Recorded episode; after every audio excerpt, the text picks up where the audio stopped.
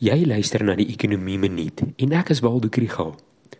Ekonome is die laaste paar weke al bekommerd oor die impak van skokke soos beerdkrag en die vloede op ekonomiese groei in die tweede kwartaal. Daarbey is daar al die koste drukfaktore wat veroorsaak word deur Rusland se inval in Oekraïne en China se COVID-inperkings en sommer vinnig loop die stagflasie spook in die sake nuus. Ongelukkig is ons aanwysers eers met 'n sloering beskikbaar. Die laaste ronde data is voor die Paasnaweek aangekondig en dit het nie te goed gelyk nie. Jaar op jaar was mynbouproduksie laer in Februarie maand en produksie in die vervaardigingssektor het jaar op jaar net net toegeneem en was laer as in Januarie.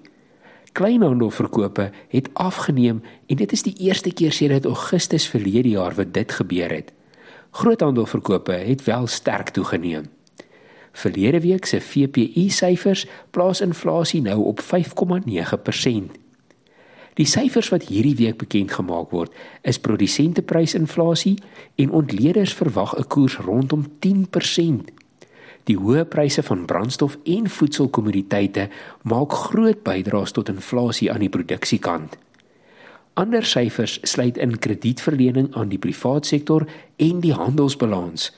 Meer kredietverlening aan maatskappye word voorspel en dit is 'n positiewe teken vir die ekonomie. Daar word ook verwag dat die handelssurplus groter gaan wees.